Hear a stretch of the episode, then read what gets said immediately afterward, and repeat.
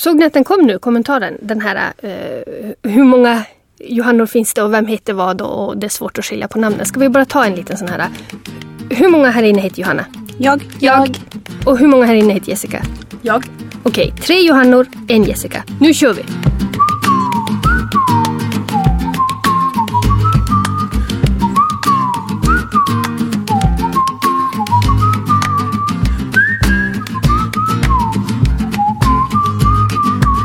Välkomna till fjärde avsnittet av Bokpodden eh, som vi på bokhora.se gör tillsammans med produktionsbolaget Munk. Vi kommer börja med manshat, sen blir det kvinnor för hela slanten. Det blir både Gun-Britt Sundström och prat om och med Jeanette Wintersson, så häng med!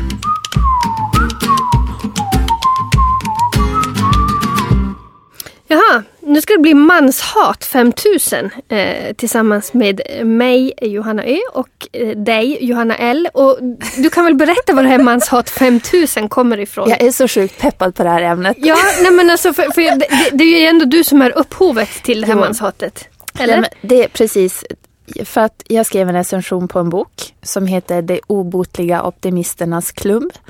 Eh, han som har skrivit den heter Jean-Michel Guenassia. Och grejen med den här boken är att den är 628 sidor lång. Eh, och den har inte riktigt någon handling. Den är, den är fladdrad ut, den är för lång, den hade kunnat vara 300 sidor. Eh, och då hade vi den här i min bokcirkel. Jag läste inte ens färdigt den, jag läste 140 sidor och det räckte. Och de andra hade ju läst färdigt så de hade ju precis samma uppfattning som mig. Eh, och så skrev jag en recension på den där jag tog upp det här och att det är så himla typiskt att det är en man som har skrivit den. För jag tror inte att en kvinna hade skrivit en 628 sidor lång bok utan handling och röd tråd. Hon hade liksom aldrig hon hade inte, tagit sig den nej, platsen. Och sen så hade hon kanske inte fått ut den för förlaget. Men i män så tänker man så här, ja men jag har rätt att säga det här. Folk vill höra det jag tycker. Det är inga problem. Jag vräker på i 600 sidor. Eh, och då när vi hade skrivit, eller när jag skrev den här recensionen så tänkte jag att folk kommer ju att bli sura men det tycker jag är lite kul. Och då var det mycket riktigt en kommentar som tyckte att det här var rena rama manshat 5000. Och det var ju givetvis en man då som... Ja, han skulle nu sluta läsa bokhora och gå och läsa andra bloggar istället som inte var lika vedervärdiga som vi. Som inte hatade män upp till 5000. Mm. mm. Fast jag tycker det är så intressant det, det du säger i den här, mm. eh, eller det, både det du sa i, i intervjun och det du, eller i recensionen och det du sa nu. Att män tycker att de har rätt att ta den här platsen. Ja. I litteraturen. Och det finns ju jättemånga sådana. Inte bara i litteraturen kan vi säga i världen. Nej, ja, i världen. Ja. I världen men, men, men också väldigt tydligt. Är, det är ju väldigt tydligt i litteraturen. Alltså om vi, om vi bortser från liksom alla litterära priser och sådana där saker. Mm. Utan, utan, bara just den här eh, självklarheten med, med liksom vilken man tycker att man har, jag har så mycket viktigt att säga och förmedla mm. till er. Mm. Och så är det kanske inte så viktigt alla gånger. Nej, och det, jag vet inte vad det är som gör bara att kvinnor, det är klart man tänker kanske att det ska vara en bättre bok för att man ska skriva den här grejen. Och sen kanske man blir behandlad också annorlunda när boken kommer till förlag. Att det är ett annat krav på kvinnor. Jag vet inte vad det är som gör det här. Men det kommer, tycker jag, oftare långa böcker av män som ja. hade kunnat kortas. som hade kanske vunnit på, på en del på kortas också. För jag, jag, tänker på, jag har ju läst precis eh, Stig Larssons eh, memoarer och nu pratar vi alltså inte eh, män som hatar kvinnor Stig eh, i detta hatprogram utan nu pratar vi den andra Stig Larsson för det finns ju två. Eh, och han har skrivit sin självbiografi eh, nu eh, och i den boken så berättar han bland annat att han sitter och läser om sina egna böcker som han själv har skrivit. Och då gråter han för att de är så bra. Uh. och det är också den här liksom man bara så här, ja. Eh, det, det, finns en, det finns en sån självklarhet med vilka de här männen träder in i världen. Och samma sak i, i en annat stycke i den här boken så, så har han en släktfejd med sin, med sin syster om, om ett arv. Eh, och där han säger då, han bara, Nej, imorgon måste jag verkligen försöka få tag i, i Thomas Bodström så att han kan ringa till Beatrice Ask för vi måste ju få till en lagändring kring det här. Det är helt otroligt det där. Ja men jag tycker det är så fantastiskt hur man bara liksom så här, jag är man, jag har rätt att ringa upp Beatrice Ask och kräva en lagändring för nu, det här är inte okej. Jag har insett att det här är fel. Ja, ja. vi måste göra någonting åt det här. Ja. Eh, och, och den här liksom jag, jag, tror ju att det är ganska få kvinnor som, som vaknar upp och tänker ungefär samma sak. Att imorgon måste jag ringa Thomas Bodström. För så här får det inte gå till. Nej, men det, det är ganska fantastiskt. Och det, jag tycker att man det har, kanske är en åldersfråga, men ju äldre man blir, blir, desto mer upptäcker man det. Men jag tror att det är helt enkelt för att man blir mer utsatt. Eh, så ibland när man hör 20-åringar som bara, ja men det här är inga problem och vi är jämställda Nej. och bla bla bla bla bla. Jag jobbar i en gymnasieskola och jag tycker att ibland är de rent naiva de små barnen. Och jag känner mig helt förbittrad och Fast jag tycker också om, om, vi nu, om vi nu inte ska bli alltför rabiata feminister. Eh, det finns ju väldigt, någonting väldigt tydligt i det här. För jag vet ju att du, för all, alla män är ju inte så här och alla manliga författare är inte heller så här. Nej gud nej och det kan vi förtydliga att vi hatar inte manliga författare. Det är inte det som är grejen. Nej vi hatar inte ens män faktiskt. Nej, nej. men, men däremot, för jag vet ju att du älskar ju till exempel både Lars Norén och eh, Karl Ove Knausgård. Ja. Eh, och det är ju inte så att de direkt är kända för att skriva korta romaner som inte handlar om dem själva. Nej men alltså de är ju eh, vad är Norén? 1600 sidor och Knausgård är ju flera tusen och jag har bara kastat mig igenom alla de här böckerna. Jag skulle kunna läsa 3000 sidor till av Knausgård utan problem. Och det handlar ju lite grann om samma sak som Stig Larsson där, att de skapar, eh, de är författare eller dramatiker. De är eh, väldigt viktiga. De är viktiga och de har lite av det här just jag är viktig, jag behöver den här platsen, nu skapar jag mig mitt utrymme. Men på något vis, nu har inte jag läst Stig Larsson, men jag kan tänka mig att det inte riktigt blir samma det här totala självförhärligandet. Jag tror inte det. Eller också är det bara det att jag inte vill tro det för att jag tycker så mycket om Knausgård. Jag, jag, tror, nog, jag tror nog tyvärr att, att det är lite grann av det senare. För jag har ju nu läst då alla tre. Men Knausgård gråter inte åt sina egna böcker. Nej det gör han inte. Men det finns ju ändå någonting liksom, lyssna för nu ska jag ge ut min självbiografi i sex band och jag har rätt att, att eh, liksom ta den här platsen. Eller Lars Norén som sitter där. Jag ska köpa ett hus i Provence för förskottet till den här romanen. Och man bara mm. Jag hör vad du säger men det är ändå så svårt att ta till sig. Ja, jag vet. För att jag tycker så mycket om de här böckerna. Men, och, och det tycker jag är en, en, problematik. För det, för det är lite samma med mig med Stig Larsson. Att jag tycker faktiskt att han är en för jävla bra författare. Mm. Och då blir det ett problem. För, för det är ju det de, de liksom, alla tre de här och, och andra eh, män också gömmer sig bakom hela tiden. De blir ursäktade för att de är, de är så duktiga författare. Så mm. att vi liksom förlåter dem. Mm. Den här grejen på något vis. Som du kanske inte då förlät den här snubben, vad heter han? Eller Genassia som inte kanske... är en så duktig författare. Nej, Nej. Och, då, och, och det är liksom det är så trist för att han gör ju bara det som andra manliga författare också har gjort ja. i alla tider. Men, men han kommer inte undan med det för att Nej. han är inte bra. Nej. Sen har vi också den här andra boken, eh, Vanja Hermeles bok som jag läste nyligen. Som handlar, hon har skrivit genusrapporter Eh, och då har hon sen skrivit en skönlitterär bok. De publicerar utdrag ur dessa intervjuer och så blandar hon upp det med lite egna betraktelser ur sitt liv. Som verkligen kan man säga knyter ihop de här som handlar om teaterchefer, konstmuseichefer, män i ledande positioner, för det är ofta män, mm. eh, som på olika sätt får förklara bättre eller sämre hur det kommer sig att de har så lite kvinnor. Kvinnliga författare, kvinnliga regissörer, kvinnliga chefer. Och det är ju otroligt intressant och det är bara ungefär en bekräftelse på allt man redan vet. Så en sammanfattning av det här samtalet fast implementerat i hela ja. samhället. Eh, men, men då undrar jag en annan sak då. Nu har vi pratat väldigt mycket, kanske inte alltid så snällt om, om män som skriver för långt. Finns det inga kvinnor som skriver för långt då? Eh, Gud vad svårt. Det är väl också det att jag egentligen inte tycker om böcker som är över 300 sidor.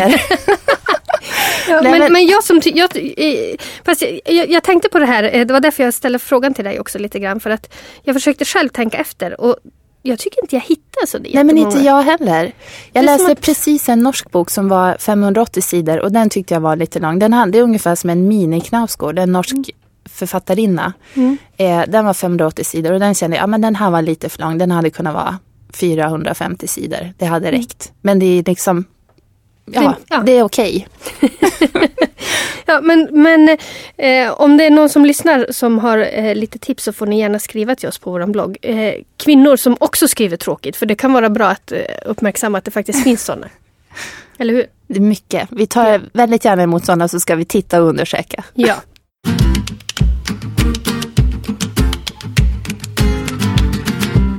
Nu tycker jag vi byter eh, både ämne och kön lite grann och eh, pratar om eh, veckans bokrecension eh, som faktiskt är av en kvinnlig författare. Eh, Jeanette Winterson eh, har skrivit den här boken. Och här måste du övertyga mig Jessica för att jag läste hennes bok Vintergatan går genom magen knappt klart för att jag tyckte inte den var så bra. Vad är det som är så fantastiskt med den här nya boken och vad heter den för det första kanske vi ska börja med? Den heter Varför vara lycklig när man kan vara normal. Ja, och vad är det som är så fantastiskt med den då? Eller är den fantastisk? Ja, den är fantastisk. den är faktiskt så fantastisk att jag har gjort hundöron i den. Ja, det såg jag. Jag var lite förvånad för det brukar du inte göra. Nej, det är ett helgerån mer eller mindre för mig. Men jag kunde inte låta bli för att det fanns saker på så många sidor som jag absolut inte ville glömma. Eh, vad, vad, är det här för typ av bok då? Är det liksom en, en roman eller? Är det... Nej, det här är faktiskt en riktig självbiografi. Oho, det är eh, också ett ovanligt val för att vara dig. Ja, men det här är en författare som jag tycker väldigt mycket om och därför tycker jag att det är intressant att läsa en självbiografi av personen. Hon eh, debuterade ju i början av 90, ja, slutet av 80-talet, början av 90-talet där någon gång eh, med en bok som heter heter Det finns annan frukt än apelsiner. Just det. Och den byggde ju till stor del på hennes uppväxt som i en väldigt hård kristen familj och som när hon då kom ut som 16-åring som lesbisk så ja. Ja, hur det var, var att göra det. Men, men vad, vad, vad, är den här nya boken då? Är det hennes vuxna liv eller är det fortfarande barndomen som... Eh, det här är ju då den icke eller den riktiga versionen av vad som hände hennes, mm. i hennes barndom.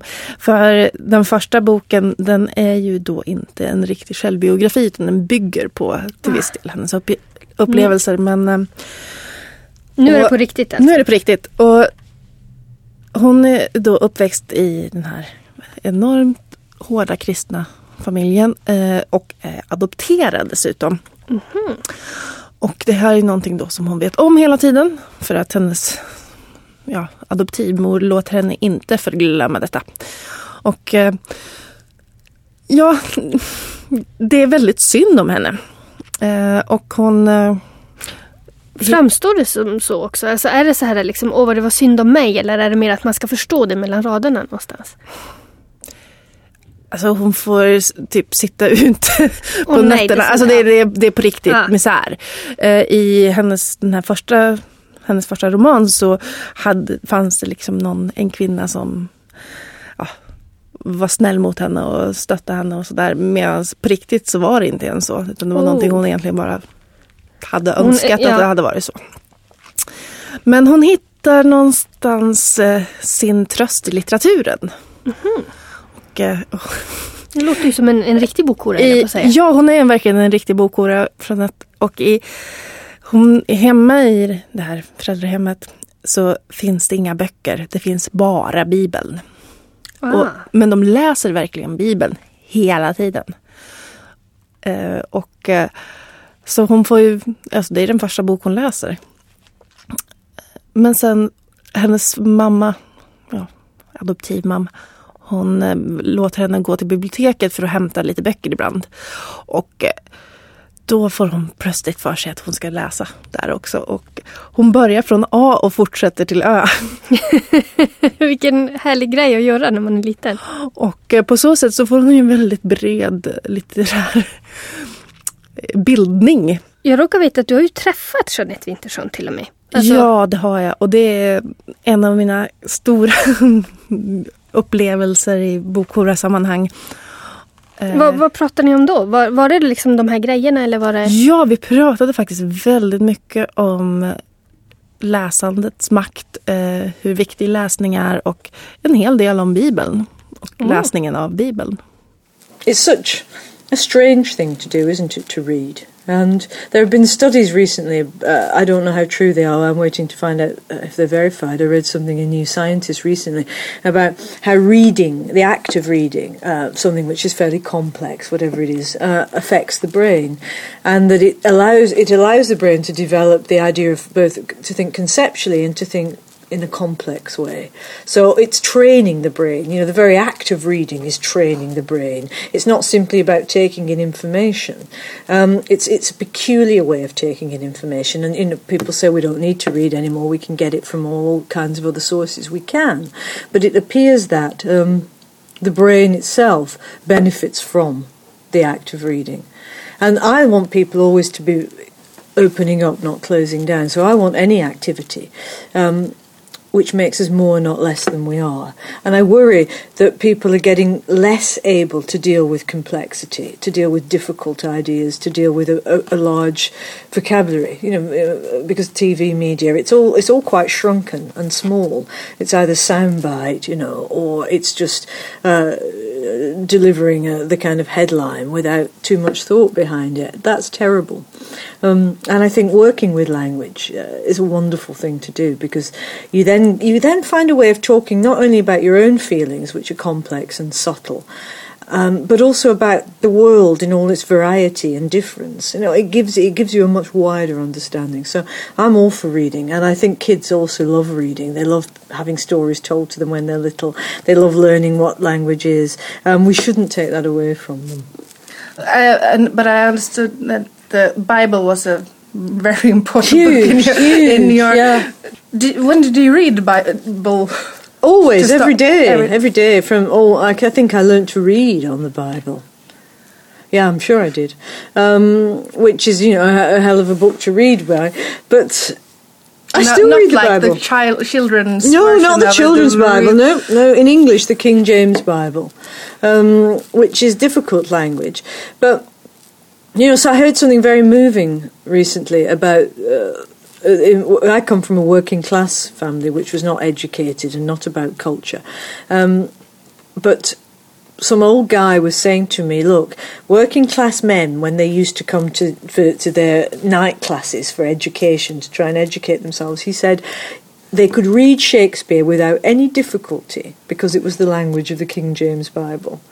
So I think that's fantastic. They didn't even know that they knew it, but they had those rhythms, those speech rhythms, those words in there because they'd all been brought up on the Bible. So it's not just a kind of crazy indoctrination. It was allowing uh, a whole class of people who had very little education suddenly to be opened up to what we think of as the glories of literature.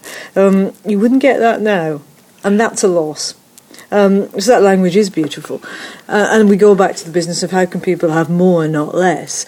Um, and I think uh, what, what we're hearing now with tech, I love technology. Um, you know, I like the way that the internet has opened up the world for people. I like the fact that anywhere in the world you can just go online and connect with so much. But I also want a place where young people in particular know that there is such a thing as art and culture and that they can have it, that it's not taken from them.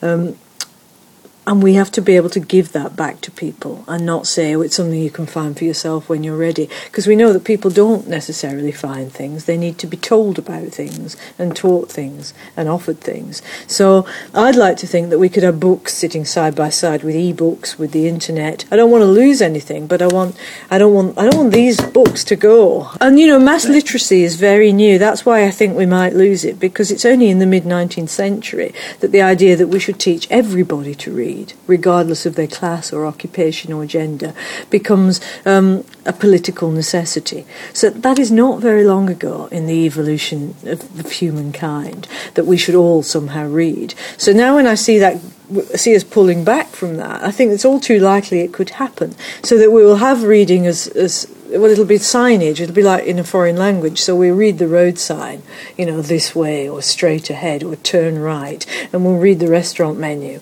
and the news headlines. But what we think of as reading, um, which is complex text, may well disappear and again become the privilege of a few people and not the many people. We could easily disappear into that. So the irony is that the people who are now going about, the idiots, saying, oh, art's elitist, so, you know, will make it so because they, a whole generation will grow up not knowing how to read real books.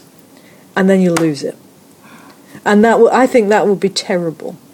So, how, what happened for you? When did you get to become well, a reader? Well, weirdly, you know, although we didn't have books, we had stories. I mean, it's one of the strange things about the way cultures change is that if you came from a very poor but working class culture like mine, no, people didn't read, but they had strong oral traditions. They were telling stories about their lives, about where they came from, um, passing stories down, which in itself keeps an imagination alive. And then if you join that up to the, the idea of the Bible and the Bible stories, I was living in quite um, verbally in quite a, a, a, rich world, not an impoverished world, because people weren't watching TV. This was the 1960s. They just weren't. There was no internet, so there were no computers. Um, they were talking to each other. And that in itself, you know, people are talking to each other, language develops, stories develop.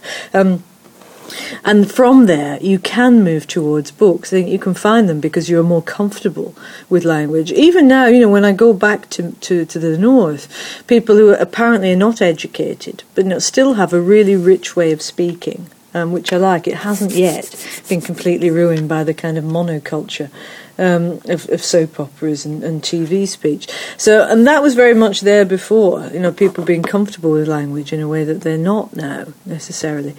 Um, and so finding the books later uh, and finding the stories felt like a continuation of that. And my parents, of course, were always reading the Bible. So there was one very big book in our house, um, which was endlessly being opened and endlessly being read.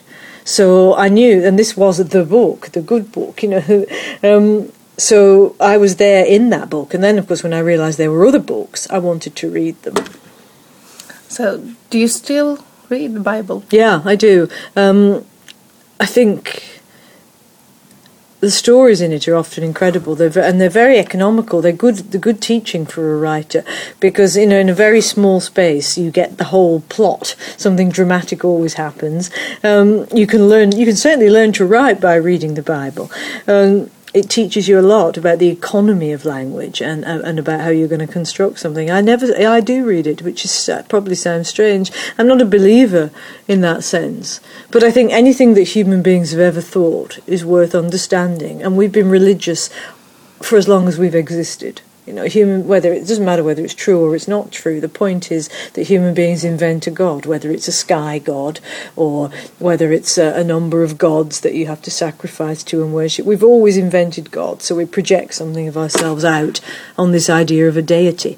I think that's very interesting. So learning about it is learning something about ourselves, and it's no good just saying, "Oh, that's rubbish," because you're then dismissing a huge part of human development. You can't just say it's rubbish. You have to say, "Oh, how did this happen? Um, so again, it's about keeping the mind interested in, in who we are and where we've come from. It's part of our history you know, our history as, as human beings.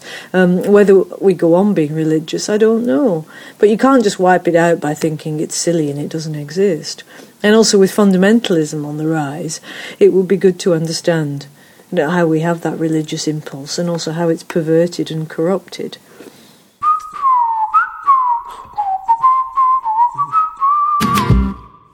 Tiden går fort när man har roligt. Det är redan dags för klassiken. Eh, och den här gången handlar det om en bok som är lika gammal som jag själv. Den gavs ut första gången 1976. Och då måste jag fråga dig Johanna K. Håller den här boken för tidens eh, tand? Ja, jag tycker det. Jag läste om den i helgen. Och eh, reagerade liksom över hur, hur modern den känns. Liksom i relationerna. Mm. För relationerna spelar ju en viktig roll i boken. Ja, berätta, vad handlar den här boken om? Eh, det... vad, vi kanske ska börja med att berätta vad den heter, för det har vi faktiskt ja. inte gjort. Vi bara tar för givet att alla vet. ja, men det är, ju, det är ju bra. Den heter Maken av Gun-Britt Sundström. Ja, och det är ja. därför vi, vi pratar ju om den som... Den är ju, den är ju en i familjen så att säga. Det var därför ja. vi glömde bort att introducera den. Mm. Men, men, vad handlar då Maken om? Eh, det är en svår fråga tycker jag, för att eh, den handlar ju om eh, Martina och Gustav som träffas när de är studenter och sen så uh, har de något slags förhållande. Och uh, Gustav vill uh, gifta sig med Martina men hon känner sig lite trängd. Och sen handlar det liksom om deras förhållande. Um, vilket låter väldigt ointressant men, men den är ju jättebra. En grej som jag tänkte på när jag läste den här, eh, det var att, och som faktiskt irriterade mig också ofta, eh, feminist som jag är, mm. eh, att jag väldigt ofta hamnade på, på hans sida. Alltså jag tog hans parti hela tiden i den här kärleksrelationen. Upplevde du samma sak? Ja, ja, men för Martina är lite bråkig. Han är liksom ja. snäll, hon är kär i honom men hon vill inte, um, hon, hon vill ju liksom, hon vill ha honom, hon vill inte att han ska ha några andra tjejer. Men, men, men hon vill inte att han ska ha henne. Det är ju lite, Nej, lite och, jobbigt liksom. Ja, jag kan så ofta känna så här bara, men bråka inte nu.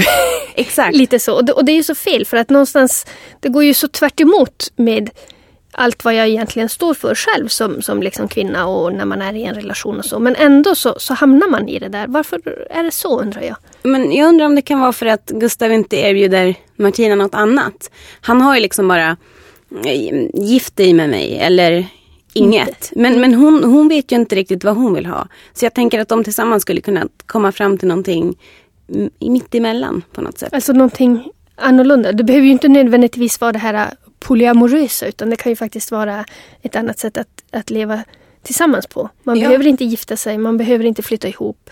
För hon, hon säger ju till och med att hon inte, att det här med polygami är liksom, det är inte det hon vill ha. Men, men hon ska träffa Martin som är en annan figur. Som hon, men hon känner liksom att hon inte helt otvunget bara kan gå och träffa honom för att han är en man och ja, det blir mm. problematiskt. Känner du, tycker du att man får mycket så igenkänningstankar när man, när man läser den här boken som, som ung kvinna idag, 36 år senare? Ja, lite, lite den, den är lite jobbig att läsa tycker jag. För det blir lite, um, ibland så känns det eh, som att hon skriver om saker som man tror att man är ensam om att tänka. Och sen så skrev hon det för 36 år sedan. Mm. Men samtidigt så, eh, en annan sak om den här, den är ju så, så pass gammal trots allt. ja, jag är ju så pass gammal också då. Ja. Nej men och jag tänker, det som, det som är intressant med den det är ju alla de här eh, tidsmarkörerna. Eh, Mm. Um, för, för rent relations och språkligt så känns den modern. Men sen är det ju liksom eh, som spårvagnen i Stockholm och busslinjerna och det är, eh, det känns väldigt eh, en, en annan tid. Och det, ja. det, tycker jag nästan känns till och med nästan äldre än, än 1976. Jag får nästan lite så allvarsamma leken-vibbar. Ja, men hon kallar sina föräldrar för far och mor och sånt här. Ja. Eh, det känns eh, gammalt. Mm. Men, men ändå, liksom, jag tycker det är så fint att, att du säger det, liksom, att ändå just all, alla de här andra tankarna är, är så eh, himla moderna. Vad skulle du ge för betyg till den här boken om du fick betygsätta den? Skala 1 till 5 ungefär. Mm, jag har en princip att jag sällan ger högsta betyg för att jag måste spara det tills det allra, allra bästa. Så att jag ger den en fyra. Ah, toppen, härligt. En fyra till maken av Gun-Britt Sundström. Ja. Jaha hörni, jag tänkte att vi ska sluta på samma sätt som vi började med lite självupptagna män. Vad tror ni om det? Mm. Mm, blir det bra, eller? Toppen. Toppen. ni, ni, jag har förstått att det är eh, lite svårt eh, att hitta självupptagna män för, för en del av er i den här församlingen. Eller Jessica? Nej, nah, det är väl bara att jag kanske inte tänker på dem som självupptagna alltid. Nej, för vi tänkte att vi skulle avsluta med, med en fråga som handlar om, nämn en, en, en självupptagen manlig författare och du bara, men det finns ju inga, typ. Eller? Nej, det var väl bara svårt att välja. Jaha, så du, du känner att det är så många, jag kan inte välja. Eh, du då Johanna eh, L, har du, du, du hade ju fullt med självupptagna män. Kan du komma på ytterligare något? Hade jag fullt? Har jag ja, sagt men, det? Nej men vi har ju pratat. Ja, ja, vi har ägnat en stor del av det här programmet men Jag tänker de har vi ju nämnt. Men jag tänkte nu ta en annan. Murakami. Som mm. jag har, Haruki Murakami som jag har ett kluvet förhållande till för att jag gillar honom. Jag gillar hans böcker jättelänge men han är ju väldigt fixerad vid hur kvinnor ser ut. Så nu när jag har hört allt det här, den diskussionen så tänker jag bara hur puckad är jag som inte har tänkt på det här när jag läst böckerna. Jag ser, våra lyssnare ser inte det här men Johanna K, du nickar. Ja, eh, jag skrev om det på Bokhora när jag skrev om Norwegian Wood. Att det var eh, sådana mängder avrunkningar och tjejerna bara, ja men det gör ingenting att jag inte kom. Och det röt jag till lite emot. Och jag fick eh, eh, riktigt eh, på fingrarna i kommentarsfältet. Mm, var det kvinnor eller män som kommenterade? Eh, både och. Både och. Ja. Kvinnliga namn, manliga namn. Sen mm. vet man ju inte. Nej, det vet man ju aldrig. Men, men jag, jag, jag har ju alltid, jag kan ju säga att jag har ju alltid ogillat Murakami. Just av den anledningen. Eh, men eh, så att jag har varit, jag har varit förr eh, tiden. Men, men jag, om jag nu ska nämna någon så måste jag faktiskt återknyta till Stig Larsson. För att jag, jag tycker eh, eh faktiskt på riktigt att det är ett problem att jag tycker att hans böcker är bra när, jag, när man ser vilken mansgrisig person han är. Så att det är ett problem för mig. Vi får avsluta med att säga att det finns eh, många bra manliga författare. Det finns många dåliga manliga författare precis som det finns eh, kvinnliga. Har ni något att tillägga i det här? Nej. Nej. Då blir det ett bra avslut på det här programmet. Hej då!